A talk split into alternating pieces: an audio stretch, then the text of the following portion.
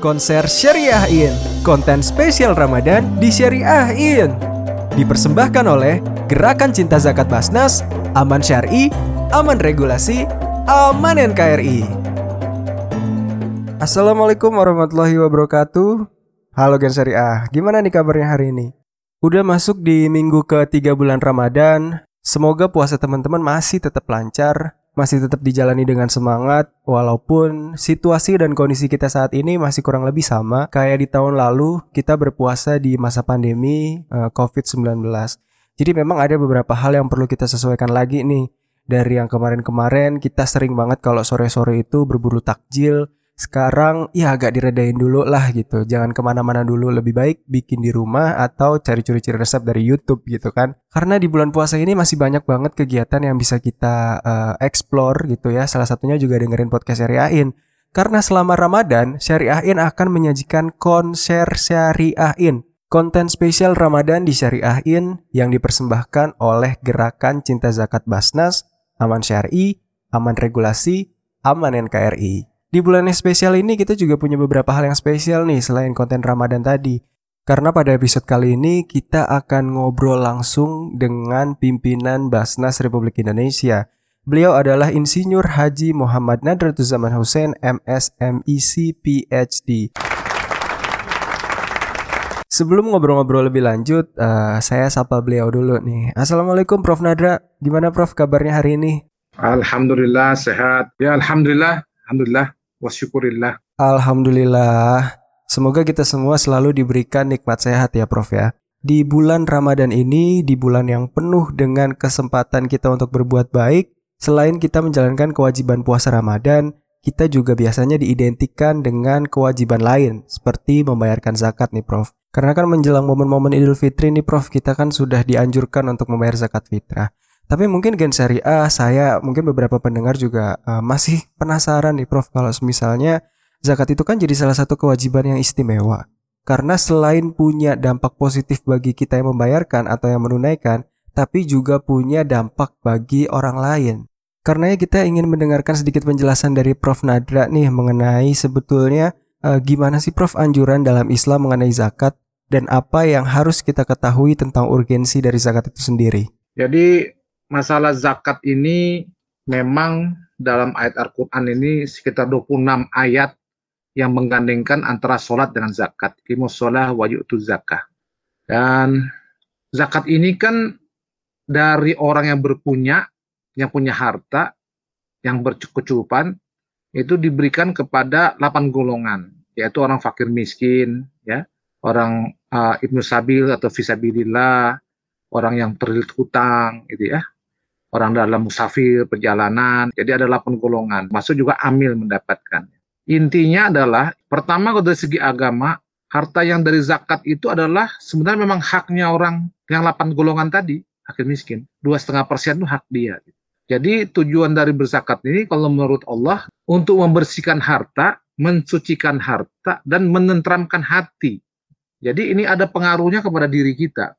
Jadi kalau zakat ini memang itu haknya orang fakir miskin gitu ya. Bahkan 8 golongan tersebut. Jadi kalau kita nggak keluarkan, ya itu haknya mereka kok. Kalau kita tidak keluarkan, ya kita jadi berdosa. Nah ini kadang-kadang eh, pemahaman ini sebenarnya Allah mengajarkan kepada kita adalah empati pada puasa ini kan ada orang miskin yang makan tidak makan apa kita berpuasa kita bisa merasakan. Nah bentuk implementasi daripada empati kita yang dilatih dalam puan puasa ini dianjurkan untuk berzakat, baik itu zakat fitrah maupun zakat mal. Zakat fitrah itu untuk mengembirakan pada hari raya itu semua orang miskin tuh bisa ikut juga bergembira. Kalau harta itu adalah untuk memberikan kehidupan, baik itu dia untuk kebutuhan sehari-hari maupun untuk modal usaha dia. Kalau dia seorang yang miskin, dia punya usaha, kalau dibantu dengan zakat, nanti dia akan menjadi pembayar zakat pada waktunya. Jadi ini adalah proses transfer secara sosial dari orang yang mampu, orang yang punya, dan memberikan kepada yang tidak mampu tadi, yang miskin, tapi itu bukan, bukan hak. Jadi nggak perlu minta-minta. Jadi kalau orang miskin itu nggak perlu minta-minta, karena dia punya ada haknya di orang kaya tadi dua setengah persen gitu ya. Jadi kalau diserahkan Betul. itu adalah haknya memang gitu ya. Jadi menerima dari haknya. Oleh karena itu dalam Islam tidak mempermalukan orang, jadi nggak perlu minta-minta. Jadi proses ini berjalan dengan rasa cintanya kepada saudara-saudara kita, dia menyerahkan dua setengah persen itu kepada yang berhak. Nah itu yang berhak. Nah oleh karena itu menurut hemat saya zakat ini juga urgensinya adalah kesetiakawanan sosial, juga kegotong royongan, juga rasa persaudaraan, juga rasa humanisme, rasa kemanusiaan. Ya kita bisa makan, tidur ya dengan tenang kata hadis Nabi, tidak sempurna seorang iman yang tidurnya kekenyangan, kenyang dalam keadaan kenyang, tapi ada tetangganya yang tidur dalam keadaan lapar, nggak sempurna imannya. Nah, oleh karena itu kita tahu kecintaan kita kepada saudara-saudara kita itu itu dianjurkan oleh Allah Taala karena Allah kita mencintainya. Jadi cara kita meng mengekspresikan cinta itu dengan berbuat sesuatu. Nah, salah satu instrumennya ada zakat, juga ada sedekah, infak, ada wakaf. Ini semuanya apa? Untuk agar orang lain itu ikut berbahagia. Karena orang Islam itu orang yang bisa membahagiakan orang lain. Ya, agama Islam itu agama damai. Maka kalau kita ini ingin damai, maka semua orang harus sejahtera, saling memperhatikan. Ini kan sesuai dengan budaya kita berluhur, saling asah, asih dan asuh. Jadi zakat ini sebenarnya dimensinya luas, ya. Jadi kalau kita tarik dari segi uh, budaya kita, ini adalah proses daripada gotong royong, proses daripada saling asah, asih dan asuh.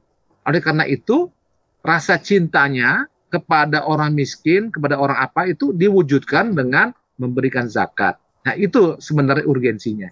Salah satu poin penting yang mungkin bisa saya highlight dari uh, jawaban Prof. Nadra tadi, bahwa dimensi zakat itu luas sekali, karena bukan hanya sisi manfaat itu bisa dirasakan oleh mereka yang menunaikan, tetapi juga bisa uh, dirasakan oleh mereka yang mendapatkan manfaat dari zakat itu sendiri.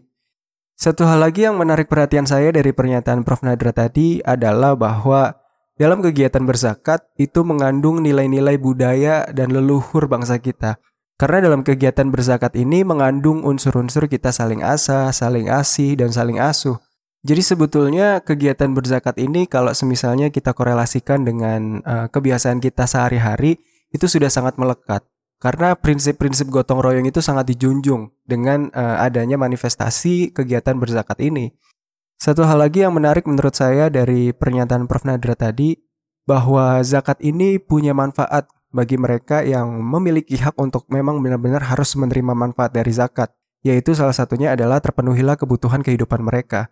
Prof. Nadra juga bilang kalau di sana dalam kegiatan berzakat itu ada transfer sosial. Artinya kalau boleh saya artikan ada juga distribusi pendapatan. Yang mana kegiatan distribusi pendapatan ini dinilai cukup penting dalam meningkatkan kesejahteraan. Berarti zakat ini juga bisa kita bilang uh, dapat membebaskan seseorang dari masalah ekonomi ya Prof? Ya, jadi zakat ini juga di dalam Al-Quran salah satu usaha untuk membantu orang yang terlilit hutang. Tadi ada gorimin, aslaf gorimin. Kita tahu sistem ekonomi sekarang ini yang konvensional itu adalah hutang piutang. Sementara dalam Islam hutang piutang itu bisa terkena riba kalau mengambil tambahan. Nah orang banyak yang terlilit hutang. Nah zakatnya salah satu adalah mengatasi mengatasi orang jangan berhutang. Jadi kalau sistem zakat ini bagus, orang nggak perlu hutang, tapi orang disantuni oleh zakat sehingga dia tidak terlilit oleh hutang. Sekarang banyak bank keliling atau linta darat itu di mana-mana ada di pertanian ada di pedesaan ada di perkotaan ada banyak orang sekali terlilit hutang.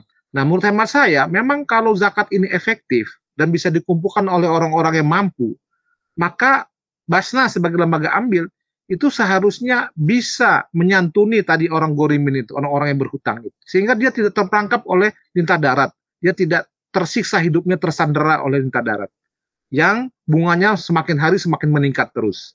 Nah ini yang menurut hemat saya menjadi perhatian kita. Hanya zakat yang bisa.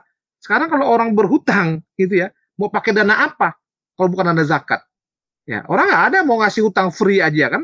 Ada ya. mau ada imbangan kan dia, ya kan? Nah hanya zakat yang bisa.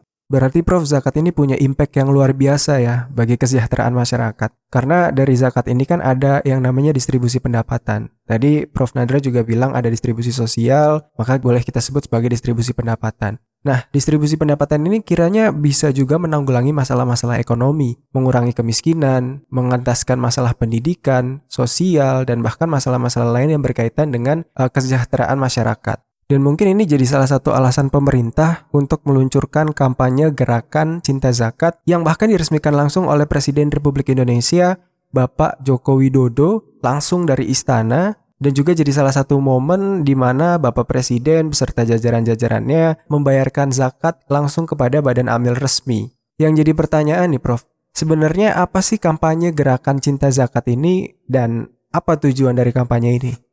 Ya, jadi kampanye cinta zakat atau launching cinta zakat di istana ini ingin menyadarkan umat Islam khususnya bahwa di masa pandemi ini, di masa hidup ekonomi yang sulit seperti ini, banyak orang terpapar ekonominya, itu kesetiakawan sosial, kecintaan kepada sesama umat, rasa kemanusiaan, dan saling memperhatikan satu dengan lain, itu kita bangun dengan gerakan cinta zakat. Jadi gerakan cinta zakat ini sebenarnya adalah gerakan cinta kasih kepada sesama kita yang bersifat humanis. Oleh karena itu, kita ingin menyadarkan kepada yang berpunya kepada orang yang sebenarnya wajib melakukan zakat, ada yang berhak ini. Nah, memberikan yang berhak ini harus dengan cinta kasih, harus penuh dengan harapan bahwa mereka menerimanya dengan bahagia dan juga harapan nanti kalau pemberian ekonomi dia bisa berubah dari penerima zakat jadi menjadi pembayar zakat pada waktunya. Nah, semangat inilah yang sebenarnya ingin disampaikan oleh kepala negara kepada umat Islam di Indonesia Jangan sampai umat Islam ini terlalu berharap kepada pihak-pihak lain, terutama kepada pemerintah. Kalau apa rakyat Indonesia ini yang Islam ini mampu untuk mengatasi mengatasi umatnya sendiri dengan melalui zakat, yang mengapa tidak gitu ya. Betul. Ya kan begitu. Jadi jangan menunggu lagi. Dan kalau kita melihat misalnya Basnas melakukan tindakan tanggap bencana. Basnas tidak melihat yang dibantu itu orang Islam atau orang non muslim. Pokoknya siapa yang kena bencana, Basnas membantunya. Membuka dapur umum, membantu langsung. Kalau pada banjir itu ikut memindahkan dan lain. Nah ini semuanya dari mana? Ya dana dari zakat dan infak yang digunakan. Nah ini semuanya kepada uh, rakyat Indonesia bahwa kalau ada manajemen yang baik, zakat yang dikelola dengan baik, maka itu semua bisa diatasi dengan baik tanpa harus ada birokrasi. Kalau menunggu pemerintah ada birokrasi, ya. Jadi kalau Anda itu berhubungan dengan pemerintah kan berarti ada birokrasi, ada tata aturannya. Tapi kalau dengan Basnas, karena ini dari rakyat untuk rakyat, maka dia lebih simpel, operasionalnya lebih cepat. Nah, makanya menurut hemat saya, kepercayaan kepada Basnas, kepada ambil zakat itu perlu ditumbuhkan dengan kuat. Jadi itulah salah satu kunci daripada suksesnya cinta zakat, itu adalah kepercayaan terhadap amil. Orang bilang no trust, no business. Jadi kalau masyarakat yang berpunya yang wajib uh, zakat itu tidak percaya kepada lembaga amil seperti zakat, seperti amil zakat Basnas, ya memang jadi susah kita. Karena kita banyak sekali yang harus dibantu yang ditolong, sementara yang wajib zakat itu tidak mau melalui lembaga amil yang resmi. Nah ini yang menjadi persoalan. Dan kita melihat bahwa dengan adanya tidak melalui amil zakat yang resmi, banyak orang yang dapat itu bisa kiri kanan, bisa double. Tapi ada yang tidak dapat sama sekali. Nah kita tahu Jakarta sebagai ibu kota bukanlah Indonesia. Indonesia ini dari Sabang sampai Merauke. Banyak Betul. sekali rakyat kita yang miskin-miskin yang di pelosok-pelosok itu. Itu siapa yang memberi zakatnya?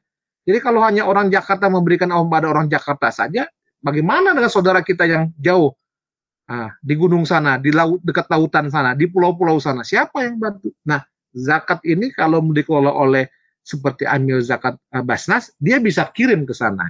Nah, dia bisa uh, memperhatikan di sana karena dia uh, lembaga yang bisa beroperasional seperti itu. Nah, itu yang menurut hemat saya juga perlu disadarkan oleh para wajib zakat bahwa jangan hanya berpikir di sekitar aja, tapi ada lagi yang di sekitar kita yang jauh yang membutuhkan. Saya pikir itu pesannya. Yap, tentunya selain menjadi harapan pemerintah, dengan adanya kampanye gerakan cinta zakat ini juga merupakan harapan kita bersama bahwa masyarakat Indonesia udah mulai move on nih. Udah mulai membayarkan zakatnya melalui badan amil zakat resmi. Karena dengan menyalurkan zakat ke badan amil zakat resmi, insya Allah semuanya tepat sasaran. Jadi gak ada tadi yang Prof. Nadra bilang itu ada yang dapatnya double, yang satu gak dapet gitu kan. Jadi uh, ini juga jadi harapan kita semua bahwa dengan gerakan cinta zakat ini optimalisasi dari Badan Amil Zakat Nasional dan juga lembaga-lembaga zakat lainnya yang resmi itu juga terus terdongkrak dan menunjukkan perannya bahwa zakat ini bisa bermanfaat bagi semua orang. Tapi nih Prof, untuk generasi muda nih, apalagi generasi muda ini kan mendominasi dari total populasi penduduk di Indonesia, antara generasi Z dan generasi milenial. Sebenarnya sejauh ini Prof, peran dari generasi muda terhadap perzakatan di Indonesia itu seperti apa dan harapan ke depannya untuk gaungan kampanye ini kontribusi dari generasi muda yang diharapkan oleh Basnas itu seperti apa? Kalau hasil data kita untuk gerakan sedekah yang dilakukan melalui beberapa channeling kita, beberapa platform kita, itu uh, usia 18 sampai 35 tahun, golongan milenial itu di Indonesia ini cukup aktif membayar sedekah. Jadi uh, saya melihat bahwa ini masalah literasi ya. Jadi satu sisi internet ya digital ini ini membuat sebenarnya pengetahuan masyarakat lebih luas, lebih banyak memahami. Jadi masalah zakat ini mungkin eh, dibandingkan generasi tua, pengetahuan yang lebih muda, yang milenial sekarang tuh menurut hemat saya lebih lebih baik. Karena apa pun yang dia ingin tahu tentang zakat, tentang informasi tentang keagamaan, itu di Google sudah ada semua ya. Tinggal dia mau baca atau tidak gitu ya. Jadi salah satu hikmahnya itu seperti itu menurut saya. Dan yang kedua lagi dengan ada fintech sekarang digital, adanya imani dan lain, itu juga aksesnya semakin kuat. Basnas itu ada 90 digital yang kerjasama, jadi akses untuk membayar zakat itu semakin mudah. Dan kaum muda sekarang, dia nggak menunggu harus duitnya banyak dulu. Dia membayar sedekah itu ya, apakah 10 ribu, 20 ribu tiap hari, itu sedekah subuh mereka lakukan gitu ya. Jadi kesadaran seperti itu ternyata ada pada umur 18 sampai 35 tahun. Oleh karena itu saya optimis ya, kalau rasa cinta kasih untuk membayar zakat, membayar sedekah itu kita hidupkan terus, kita ingatkan terus, maka sebenarnya kedermawanan sosial umat Islam di Indonesia atau umat uh, Muslim di Indonesia, masyarakat Indonesia secara umum itu akan tetap tumbuh. Karena kita melihat fenomenanya adalah mereka ternyata tidak abai sosial.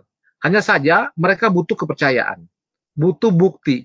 Oleh karena itu memang Basnas sekarang lagi bergerak untuk bagaimana para mustahik penerima zakat itu diinformasikan kepada muzaki sehingga kepercayaan itu semakin meningkat dan apa yang dikerjakan oleh Basnas terhadap muzaki itu itu perlu disampaikan dengan pertanggungjawaban yang bagus kuncinya di situ sebenarnya kalau menurut hemat saya berarti meningkatnya partisipasi masyarakat maupun generasi muda khususnya itu bisa saja meningkat tetapi juga akan diikuti dengan meningkatnya tuntutan dari mereka ya Prof. Baik itu mengenai transparansi, bukti, dan lain sebagainya. Ya, jadi partisipasi masyarakat, kalangan muda itu ingin bukti. Mereka sudah bosan diceramain, diomongin gitu ya. Mereka ingin bukti gitu ya.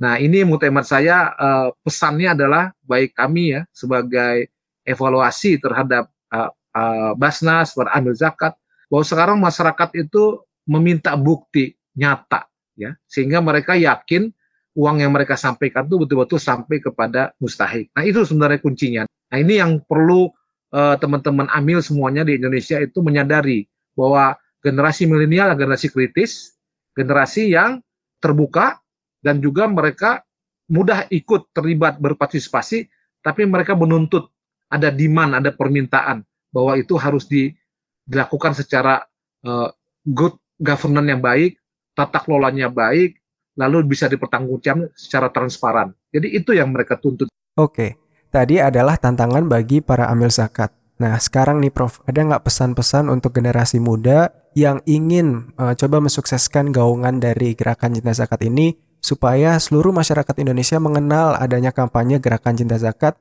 dan pada akhirnya harapan kita semua, harapan Basnas, harapan pemerintah dapat tercapai dengan adanya kampanye gerakan cinta zakat. Ya, generasi muda sekarang kan cerdas ya, smart-smart mereka ya. Dan mereka uh, di dalam melakukan aktivitas itu mereka juga punya komunitas-komunitas. Dan komunitas itu kalau kita bisa menggerakkan, bisa mengajak mereka, mereka juga bisa menggerakkan. Hanya saja package-nya itu harus betul-betul menyentuh perasaan mereka dan logika mereka harus menerimanya. Jadi di sini yang mungkin jadi tantangan ke depan gitu ya bahwa Basnas harus menciptakan program-program pemberdayaan ekonomi, pemberdayaan e, masyarakat miskin, dan bagaimana mengatasi kemiskinan, dan bagaimana mengatasi hal-hal yang e, tadi tanggap bencana dan lain. Hal-hal sebetulnya package-nya harus dibuat dengan rupa, Sehingga kaum milenial itu mudah mengajak teman-temannya ya untuk berpartisipasi. Karena menurut hemat saya ketersentuhan hati uh, generasi muda itu tergantung data yang kita berikan, package-package informasi yang kita berikan. Jadi kalau kita tidak bisa memberikan package yang menarik bagi mereka, yang menyentuh perasaan mereka dan terangsang bagi mereka untuk melakukan tindakan karena akal mereka menerima apa yang dilakukan oleh uh, lembaga amil seperti Basnas, itu akan jalan. Tapi masalahnya kan membuat package ini kan juga bukan hal yang mudah bagi amil seperti Basnas dan lain. Perlu ada bantuan kalangan media, perlu ada yang teknologi. Nah, di sinilah saya pikir uh, Basnas harus semakin maju juga. Jadi tidak bisa lagi amil ini tidak profesional. Dia harus profesional. Jadi tidak lagi bisa asal jalan, gitu ya, asal apa uh, mengajak uh, bahwa ini kewajiban dan lain-lain, tapi harus bisa membuat package-package program yang menarik bagi para kaum milenial untuk berpartisipasi di uh, dunia perzakatan, sedekah dan wakaf juga gitu ya. Nah ini menurut hemat saya uh, yang harus disadari uh, tantangan ke depan bagi para uh, amil-amil zakat. Jadi kesimpulan yang bisa saya tarik dari perbincangan saya dengan Prof. Nadra mengenai anjuran zakat dalam Islam, urgensi zakat yang perlu kita ketahui, dan juga manfaat dari zakat yang ternyata tanpa kita sadari memiliki manfaat yang begitu besar. Bukan hanya bagi mustaki yang membayarkannya, tetapi juga bagi mustahik karena adanya distribusi pendapatan di sana. Artinya, permasalahan-permasalahan kemiskinan, ekonomi, kesejahteraan, dan lain sebagainya bisa ditanggulangi dengan instrumen zakat. Untuk itu, sebagai masyarakat Indonesia dan juga sebagai umat muslim yang punya semangat gotong royong, punya nilai-nilai budaya dan nilai-nilai leluhur untuk saling tolong-menolong, maka kita harus terus meningkatkan semangat zakat supaya peran dari zakat ini benar-benar optimal dan bisa dirasakan oleh seluruh kalangan. Karenanya melalui kampanye Gerakan Cinta Zakat ini, kami mengharapkan adanya partisipasi dari teman-teman untuk terus menggaungkan demi meningkatnya literasi zakat di Indonesia, serta meningkatkan partisipasi muzaki untuk membayarkan zakat melalui badan amil resmi, sehingga pengumpulan, pengelolaan, dan pendistribusian zakat akan lebih tepat sasaran. Terima kasih telah mendengarkan podcast seri AIN yang dipersembahkan oleh Gerakan Cinta Zakat Basnas. Sampai jumpa di episode selanjutnya. Wassalamualaikum warahmatullahi wabarakatuh. Sebelum episode ini berakhir, jangan lupa untuk dukung dan gaungkan kampanye Basnas Gerakan Cinta Zakat agar kita terus dapat menjaga harapan sesama untuk kehidupan yang lebih sejahtera. Kunjungi Instagram Basnas Indonesia dan syariah.in sebagai bentuk dukungan dan kontribusi kamu dalam kampanye ini. Gerakan Cinta Zakat, aman syari, aman regulasi, aman NKRI.